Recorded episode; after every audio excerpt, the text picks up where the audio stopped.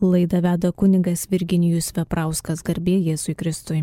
Ir paneliai švenčiausiai taip pat malonus Marijos radijo klausytojai, girdima laida aktualieji bažnytinės teisės klausimai. Kalbame toliau apie išpažintį. Buvo minėta, kad jeigu išpažinties metu buvo atleistos sunkios nuodėmės, jų kartoti iš naujo nereikia. Nereikia.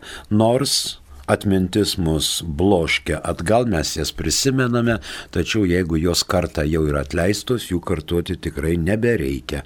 Tai mus įpareigoja bažnyčia, kad nereikėtų visą laiką e, eiti iš pažinties ir kartuoti tas pačias, tas pačias sunkes nuodėmės. Antra mintis prie 988 kanono. Lengvosgi nuodėmės taip pat žaidžia Dievą ir bažnyčią iš lengvų nuodėmių atlikti išpažinti patariama. Ir patariama, aišku, dėl pamaldumo. Motyvas yra pamaldumas.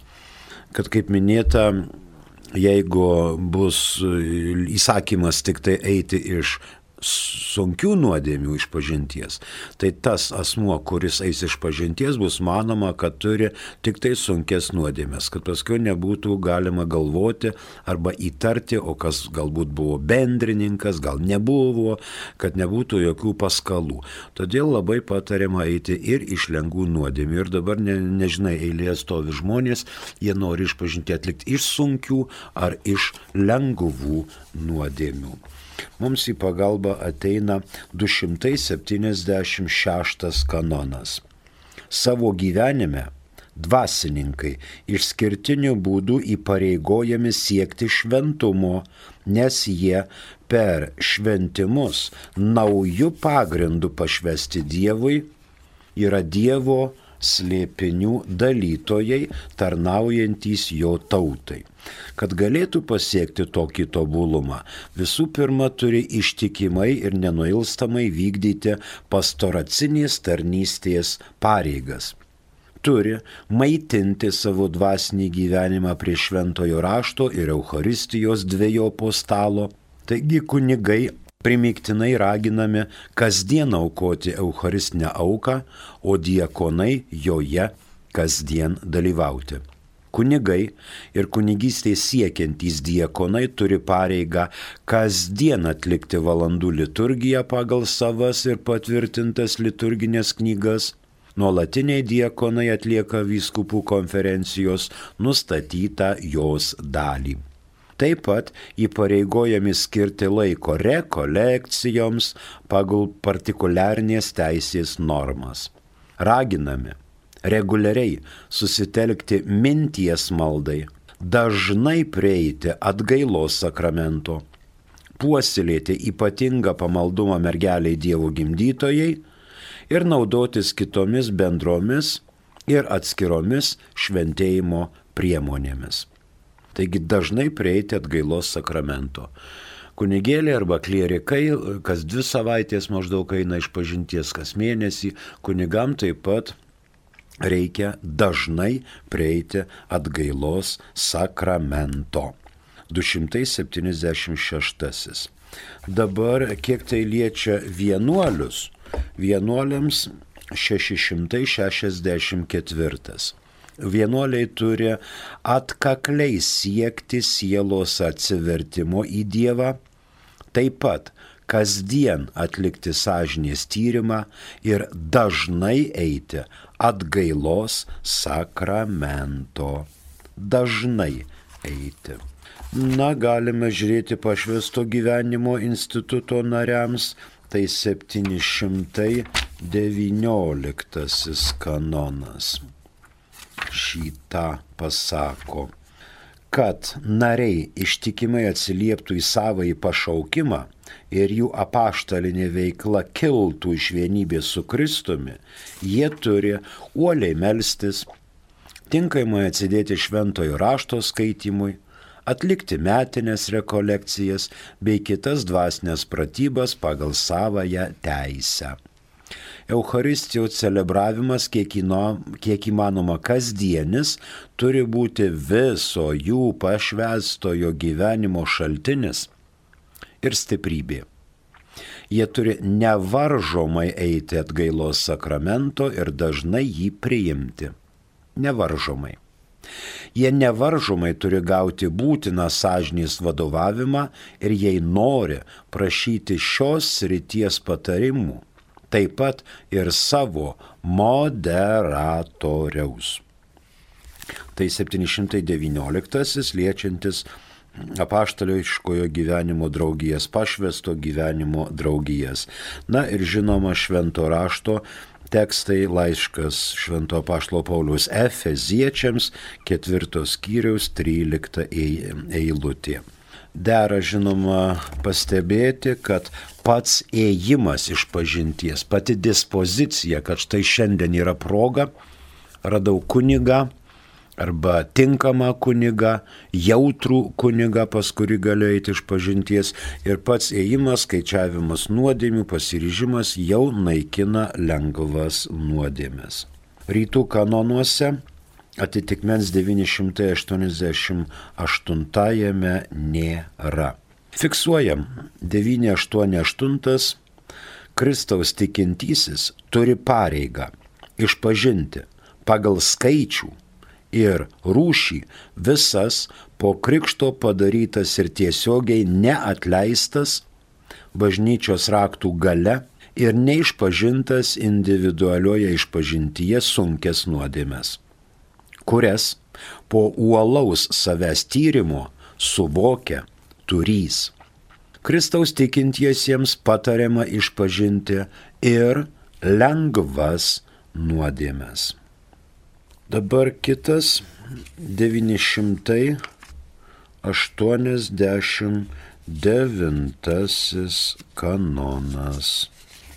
Kiekvienas sąmoningumo amžių pasiekęs tikintysis turi pareigą bent vieną kartą per metus sąžiningai išpažinti savo sunkes nuodėmes sąžiningai išpažinti savo sunkes nuodėmes.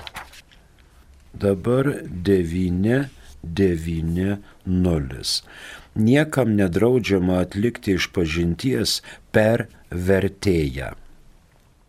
Tačiau vengiant piknaudžiavimų bei papiktinimų ir laikantis 983 nuostatų kanonų. Dabar šitas kanonas 990 apie vertėjus. Niekam nedraudžiama atlikti išpažinties per vertėją. Globaliame pasaulyje tai gali dažnėti.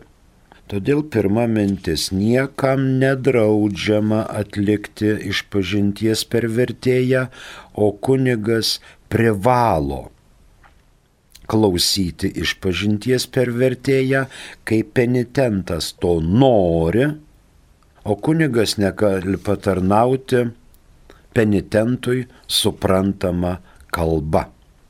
Iniciatyva kyla iš penitento pusės, o nuodėmklausys to negali uždrausti. Tik kalbos barjeras yra kliūtis, šitokiai išpažinčiai. Jokių kitokių sąlygų įstatymdavys neiškelia. Jeigu kalba yra kliūtis, susikalbėjimas yra kliūtis, labai prašom galimas ir vertėjas. Antra mintis. Todėl tas vykti turi išpažintis be piknaudžiavimų ar papiktinimų pagal 983 kanoną pirmąjį paragrafą. Sakramentinis anspaudas yra neliečiamas, todėl nuodėmklausiui visiškai neleistina išduoti penitento žodžiais ar bet kokiu kitu būdu ir dėl bet kokios priežasties. Tokią paslapti vertėjas taip pat išlaiko. Vertėjas turi būti supažindinamas su išpažinties paslapties užlaikymu ir apie bausmę, kurią gali užsitraukti vertėjas. Tiek tiesiogiai, tiek netiesiogiai išduodamas išpažinties paslaptį. Ne išskiriant šiuo atveju ir jam skirtos ekskomunikos bausmės. Iki pat to gali prieiti. Na žinoma, jeigu ten vertėjas yra e, kitokių nuotaikų, ar ką jisai sakys, čia man zinzalai, aš neturiu nieko bendro ir mane šią nesaisto. Na tada jau penitento klausimas, kokį vertėją tas žmogus pasikviečia. 1388 Antras paragrafas. Na, pirmą irgi paskaitykime. Nuodėm klausys, kuris tiesiogiai pažeidžia sakramentinį anspaudą, užsitraukia paštalų sostui rezervuotą ekskomuniką letė sentencijai. Tas, kuris tai padaro tik netiesiogiai, turi būti baudžiamas pagal nusikaltimo sunkumą. Antras - vertėjas ir kiti minimi 983, kurie pažeidžia paslapti, turi būti baudžiami teisinga bausme, netmetant ir ekskomunikos. 990 atitikmuo rytų kanonuose yra 403 pirmas paragrafas. 99 annulį pasiaiškinome ir fiksuojame. Niekam nedraudžiama atlikti išpažinties per vertėją. Tačiau vengiant piknaudžiavimų bei papiktinimų ir laikantis 983 kanono antro paragrafo nuostatų. Dabar 991.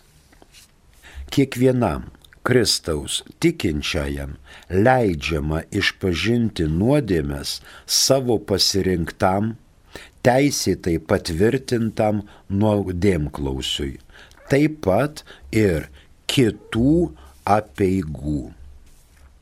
991 kanonas leidžia penitentui arba asmeniui arba tikinčiajam atlikti išpažinti ir pas kitų apieigų kuniga. Suprantama, kad kitų apieigų kunigas yra e, rytų apieigų savos teisės, kuris yra pripažintas apaštalų sosto. Tai yra pas katalikų kuniga, tik tai rytų apieigų, savų apieigų. Mums gali ateiti į pagalbą dar 846 kanonas. Celebruojant sakramentus turi būti ištikimai laikomasi kompetentingos valdžios patvirtintų liturginių knygų, todėl niekas neturi savo nuožiūrą, ką nors pridėti, pašalinti ar nutylėti. Dvasininkas turi celebruoti sakramentus pagal savo apeigas, pagal savo, o ne pagal kitos apeigas. Tai dabar kunigas klauso savo rito, rytų apieigų, vakarų apieigų asmenis, pagal Vatikano antro susirinkimo nutarimus. Pagal bažnyčios nuomonę rytų ir vakarų bažnyčios sudaro vieną visuotinę bažnyčią, bet skiriasi apeigomis, liturgija, bažnytinė disciplina, dvasinį paveldų, bet vis tik yra pavaldus Romos popiežiui, kaip švento Petro įpėdiniu.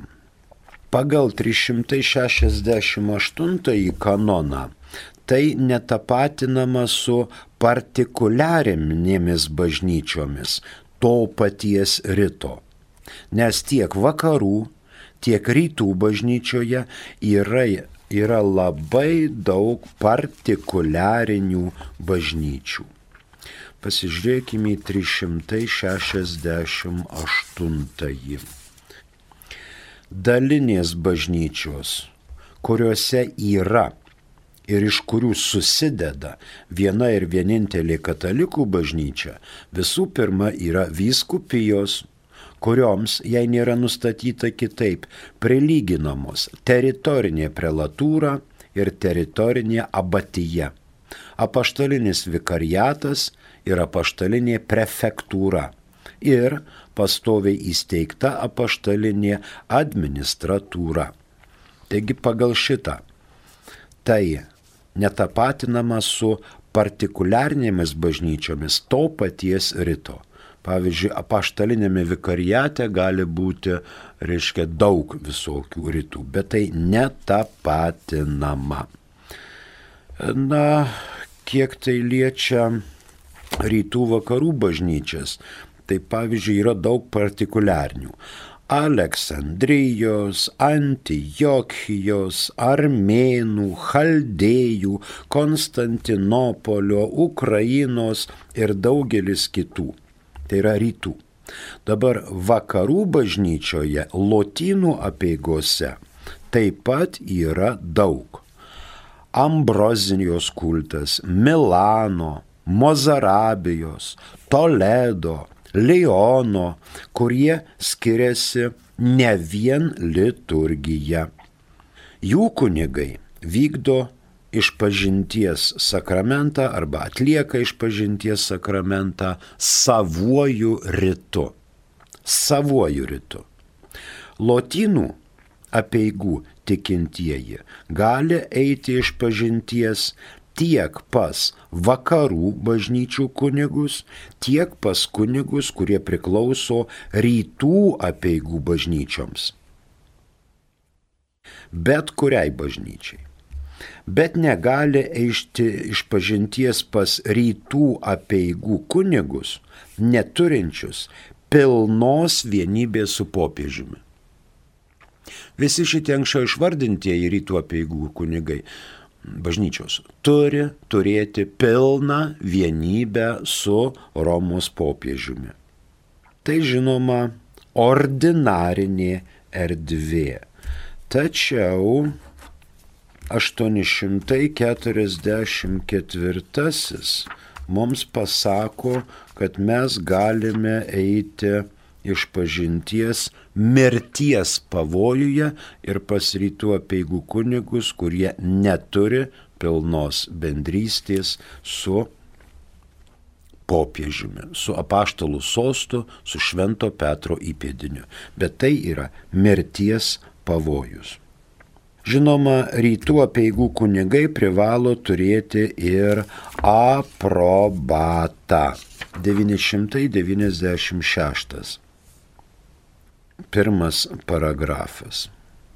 Pelnyti atlaidus gali tas, kuris yra pakrikštytas, neekskomunikuotas, bent nustatytų darbų pabaigoje esantis malonės būklėje. Kad subjektas iš tikrųjų galėtų pelnyti atlaidus, privalo turėti bent intenciją juos gauti ir atitinkamu būdu tai nustatytų laiku atlikti paskirtus darbus pagal suteikimo reikalavimus. Latino apieigų katalikų kunigai, teikdami sutaikinimo sakramentą mirties pavojuje esančiam tikinčiajam, duoda ir apaštalinį palaiminimą ir teikia visuotinius atlaidus. Taigi jie turėtų turėti ir aprobatą dėl visuotinių atlaidų. Na dar galima žvilgterėti į 111, 112 kanonus. 111. Krikšto prieimimu į Lotynų bažnyčią įrašomas vaikas tėvų, kurie jai priklauso arba kurie, jei vienas iš jų jai nepriklauso, bendru susitarimu pasirenka, kad palikonis būtų pakrikštytas Lotynų bažnyčioje. Jei tokio bendro susitarimo nėra, vaikas įrašomas į tų apieigų bažnyčią, kuriai priklauso tėvas.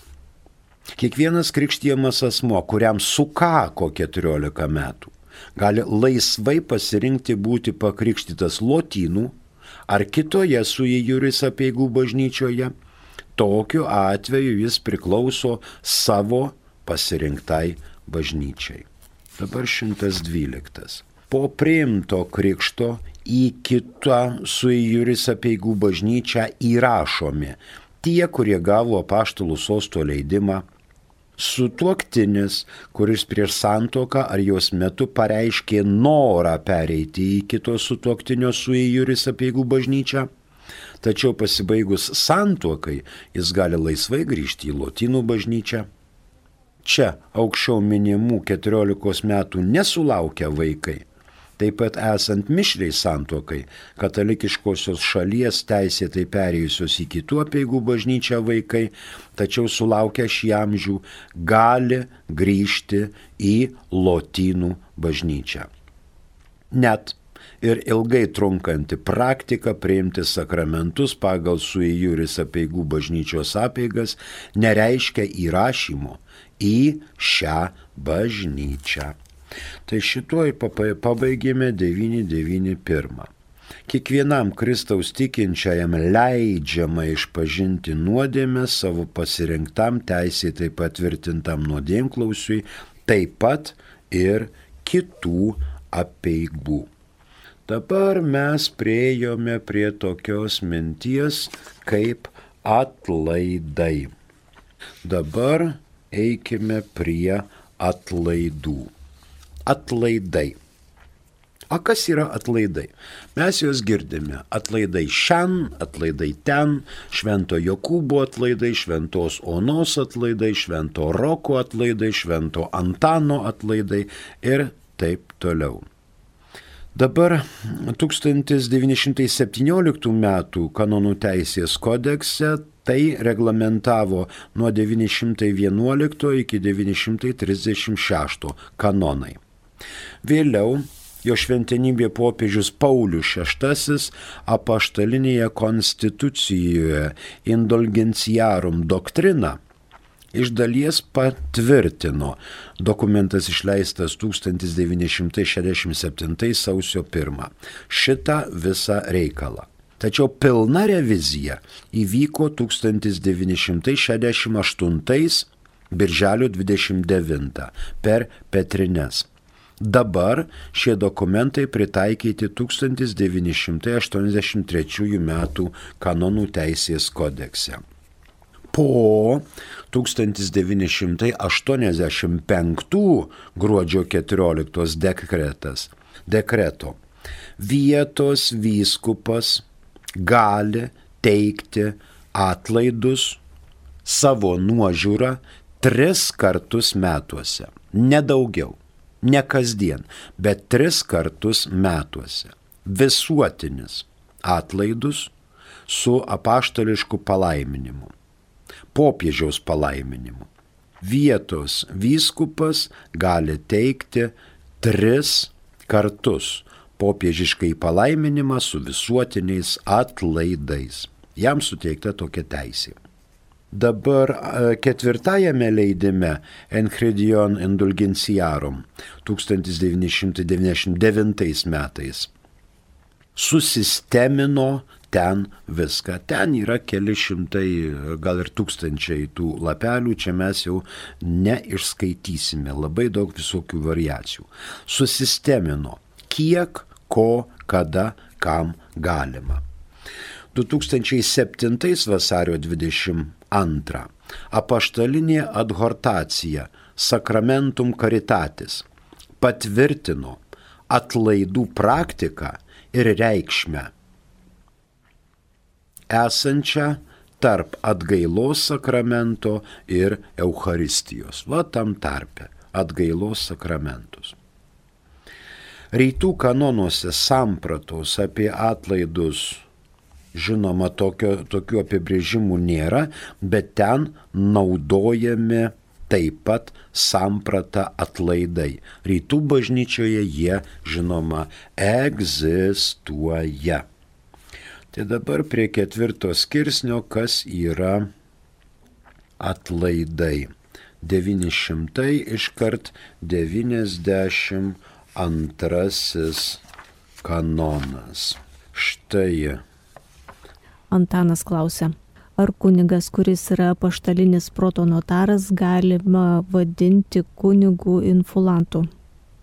Čia yra kunigui teikiami malonės dėka vyskupo teikimu popiežiaus garbės rangai. Pirmas rangas yra monsinjoras. Tai kapelianus sui santita, jo šventenybės kapelionas. Žodžiu, kunigas, kuris tiek yra jautrus ir brandus visuomeniai, kad jau net gali jo šventenybės dvare būti ir ten klausyti dvariškiai iš pažinčių ne kokiu nors runkelių ar skudučių, bet, reiškia, jau popiežiaus dvaro, jau suteikiama garbė ir teisė. Tai mes jį vadiname monsinjoru. Po to eina apaštalinis protonotaras. Na, po to eina galbūt greičiau prelatas. Prelatas tai aukštesnis lygmuo. Ir vat šitą prelatą jau galima vadinti infulatu, nes lietuviškai prelatas, o lenkai vadina šitą dignitorių infulatu. Lietuviškai prelatas, lenkiškai infulatas, o apaštalinis protonotaras už infulatą yra aukščiau. Antanai, aukščiau. Dar vienu laipsniu. Ačiū.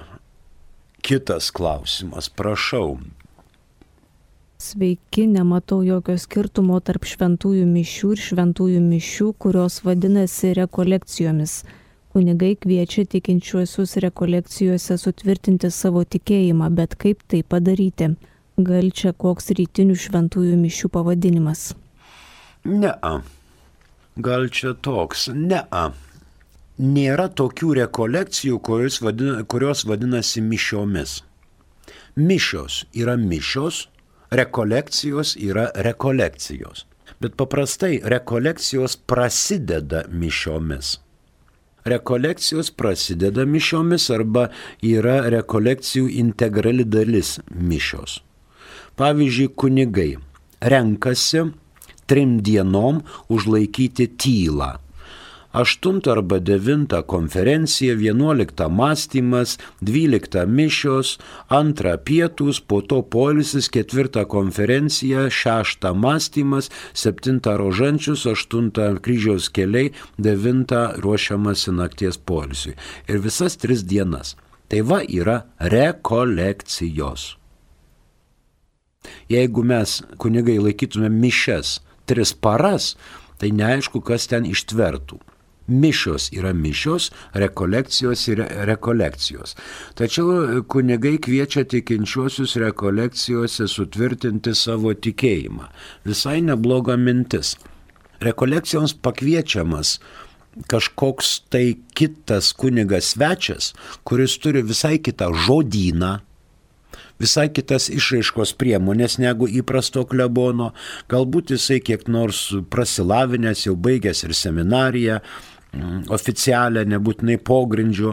Jisai turi, reiškia, daugiau žinių ir jisai kviečiamas ne tik e, sakyti pamokslus, konferencijas, mąstymus, ypatingai pašvestam gyvenimui, apaštalio gyvenimo draugijoms, bet ir tikintiesiems ir skiria laiko nuolat būti klausykloje, kad galėtų šiek tiek sustiprinti tų žmonių tikėjimą, nes žmonės pas nepažįstamą kunigą eina žymiai at, at atviriau.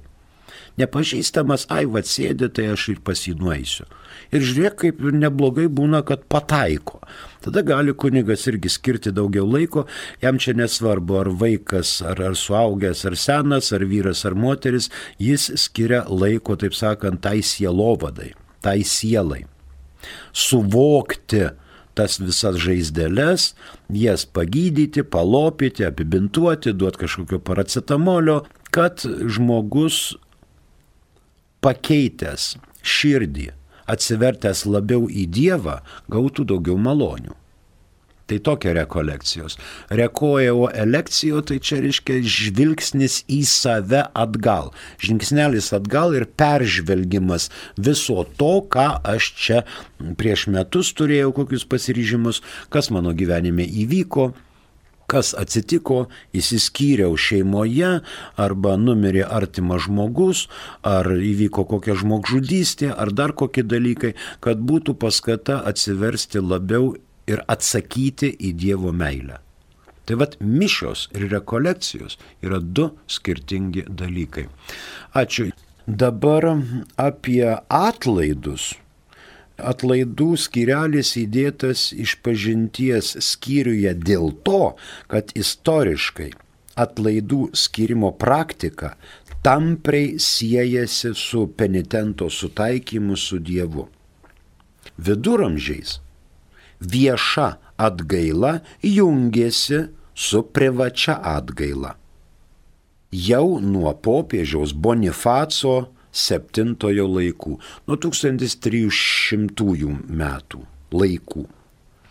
Atlaidai buvo pelnomi atliekant sąlygas tam tikras. Pavyzdžiui, aplankant vieną iš didžiųjų Romos bazilikų. Bet tada atsirado piktnaudžiavimas, atsirado piniginė auka ir šios piniginės aukos patvirtinimas be širdies atsivertimo.